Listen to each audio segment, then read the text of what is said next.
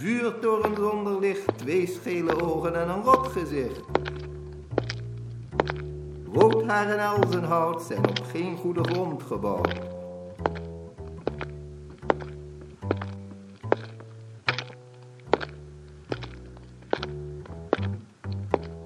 Het staat immers wel vast dat de Batavieren die in der tijd ons land bewoonden rood haar hadden. Men zou dus eerder verwachten dat het hebben van rood haar iemand een zeker aanzien gaf. Dat nu blijkt niet het geval. Hoe moeten we dat verklaren?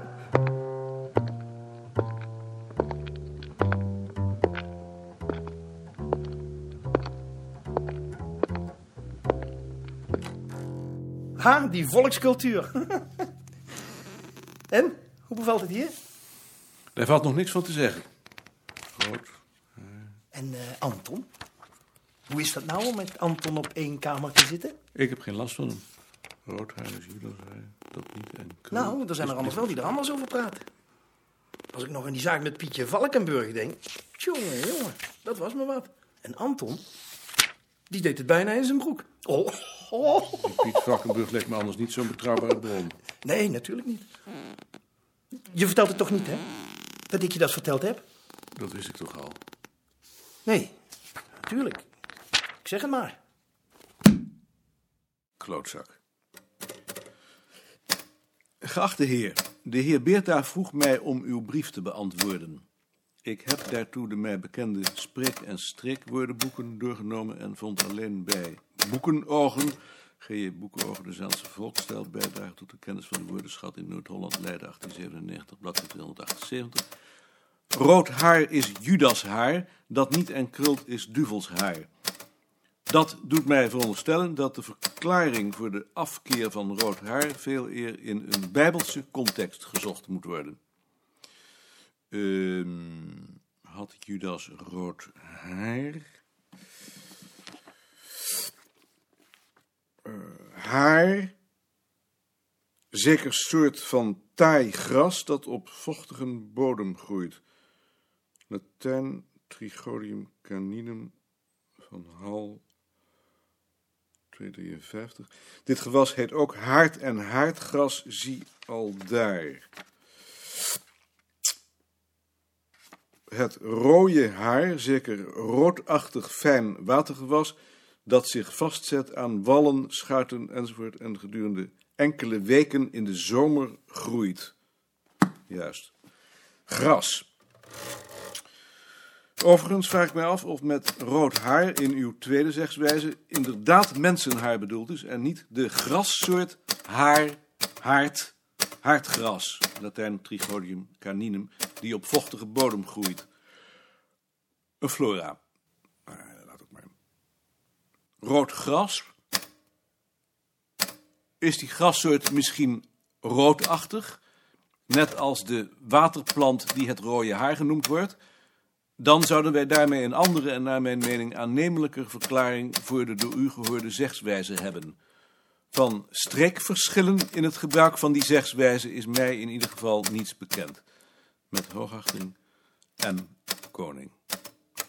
PS. Uw postzegel zend ik u hierbij terug, aangezien ons bureau vrijdom van port heeft. Het is een idioot natuurlijk.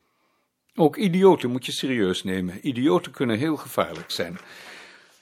Een brief moet een blokje zijn. Zo. Heb je er wel aan gedacht om je brief in drievoud te tikken? Waarom in drievoud? Als zo'n man later beweert dat hij die brief niet ontvangen heeft, dan kun je hem dat tonen. Dat is toch geen bewijs? Voor mij is dat een bewijs. En eigenlijk zou je ook een brievenboekje moeten aanleggen, zoals ik. Ik heb daar al veel plezier van gehad. Maar wat vindt u van de brief? Stoet heeft niks. Ik ben ervan uitgegaan dat de oudere spreekwoordenboeken dan ook wel niks zullen hebben. Een belangrijke vraag.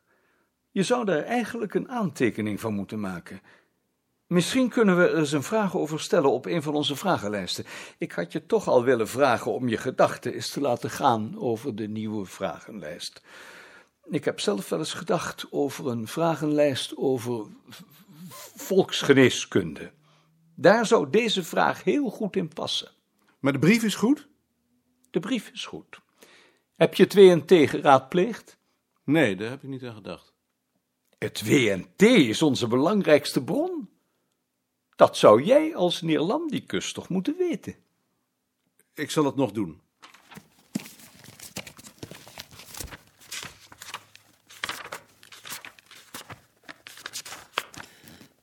De Batavieren.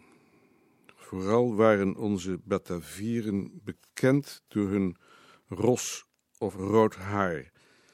Tegen rood haar heeft men van ouds vooroordelen gehad. De kok, reeds in de Romeinse oudheid, waren rode haren hatelijk, schoon de toenmalige voorname dames zich graag met de rosse haarvlechten van Germaanse vrouwen tooiden. Haar, elzenhout, rood. Hebt u misschien wat papier voor me? Briefpapier? En doorslagpapier en carbon? Je kunt het voortaan ook zelf uit het kantoorbehoeftemagazijn halen.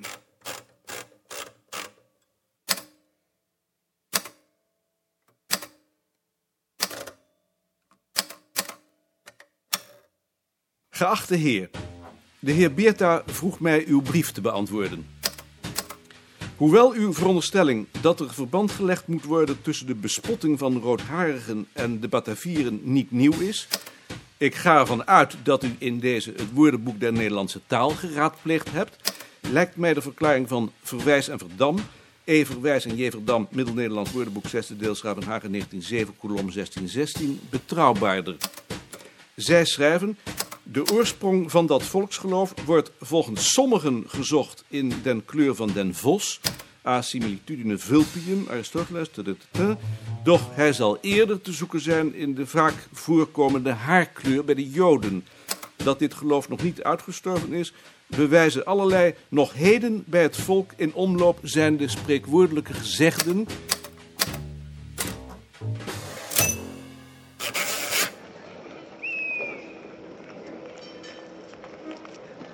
En ik wil natuurlijk ook weten of ik het kan. Bedrieg je jezelf daar niet mee? Nee, waarom zou ik me daarmee bedriegen? Waarom zou je het niet kunnen? Zo kun je alles wel verdedigen. Dan kun je ook wel professor worden, ook om te weten of je dat wel kan. Dat is natuurlijk onzin. Waarom is dat onzin? Het is helemaal geen onzin. Als je in de wetenschap gaat, kun je natuurlijk net zo goed professor worden. Terwijl je altijd gezegd hebt dat de wetenschap bedrog is. Voorop staat natuurlijk dat ik geld moet verdienen. Dat had je van mij kunnen lenen. Dat is natuurlijk heel aardig. Maar dat is natuurlijk geen oplossing. Ik kan toch niet mijn hele leven geld van je lenen? Maar waarom word je dan geen postbode? Dat vond je altijd zo'n aardig beroep. Dat is een eerlijk beroep. Conciërge ook trouwens. Dat heb je van het leraarschap ook altijd gezegd. Maar nu ik het zelf ben geweest, denk ik dat niet meer. Als je er niet in gelooft tenminste. Geloof je nu dan wel in de wetenschap? Ik geloof nergens in. Een borrel drinken en met vrienden praten. Dat is het enige. Als Beerta me die baan niet had aangeboden, zou ik er niet naar gesolliciteerd hebben. Ik heb hem aangenomen omdat we geen geld hadden. En omdat ik denk dat Beerta ook nergens in gelooft. Hij heeft alleen een perfect alibi opgebouwd om in de schaduw daarvan een eigen leven te leiden. Dat lijkt me op dit ogenblik de enige oplossing. Als je niet je hand op wil houden tenminste. Ik denk dat je Beerta overschat. In ieder geval zou ik maar voorzichtig zijn met al te veel vertrouwen in hem te hebben. Hij heeft nog naar je gevraagd. Hij klaagt erover dat hij nooit meer iets van je hoort. Ik hoor ook nooit meer iets van hem. Zullen we gaan eten?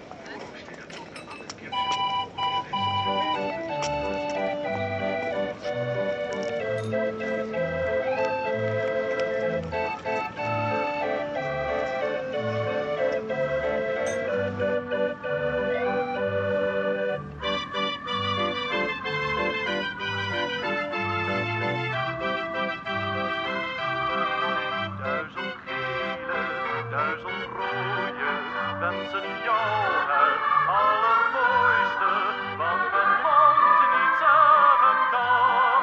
Ze getuigen uit Amsterdam.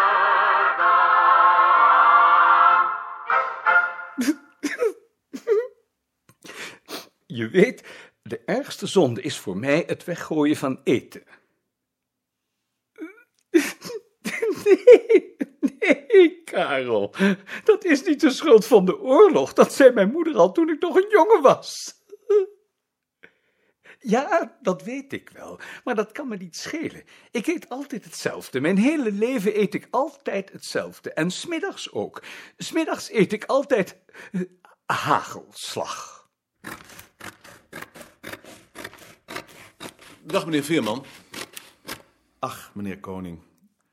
Goed dat ik u zie. Ik heb hier iets dat u misschien zal interesseren. En toen ik dat las, dacht ik... Dat zal meneer Koning misschien interesseren. Omdat u toch met dat soort dingen bezig bent. Een heel interessant knipseltje. Dat ging over... Hier heb ik het, geloof ik. Ja, heel interessant. Ja. Waar bergt u zoiets nou op? Ja, dat is nu juist het probleem. Moet zoiets nou bij luchtgeesten of bij modern bijgeloof? Maar bijgeloof is het eigenlijk niet, want die man kan ze best gezien hebben. En luchtgeesten zijn het ook niet, zou ik zeggen. Hebt u geen map vliegende schotels? Vliegende schotels. Maar dan blijft toch het probleem van de indeling. Dan verandert u modern bijgeloof in bovenaardse verschijnselen van deze tijd? Dat zou misschien de oplossing zijn. Misschien zou dat de oplossing zijn, al vraag ik me dan toch af wat ik bijvoorbeeld met het morsen van zout moet doen. Hebt u ook een map over kabouters? Kabouters? Jazeker. Kabouters? Jazeker. En volksgeneeskunde?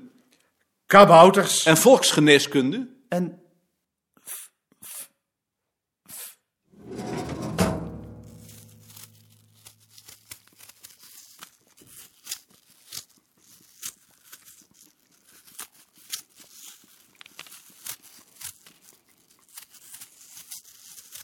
Door wie wordt Veerman eigenlijk begeleid? Door Wiegel?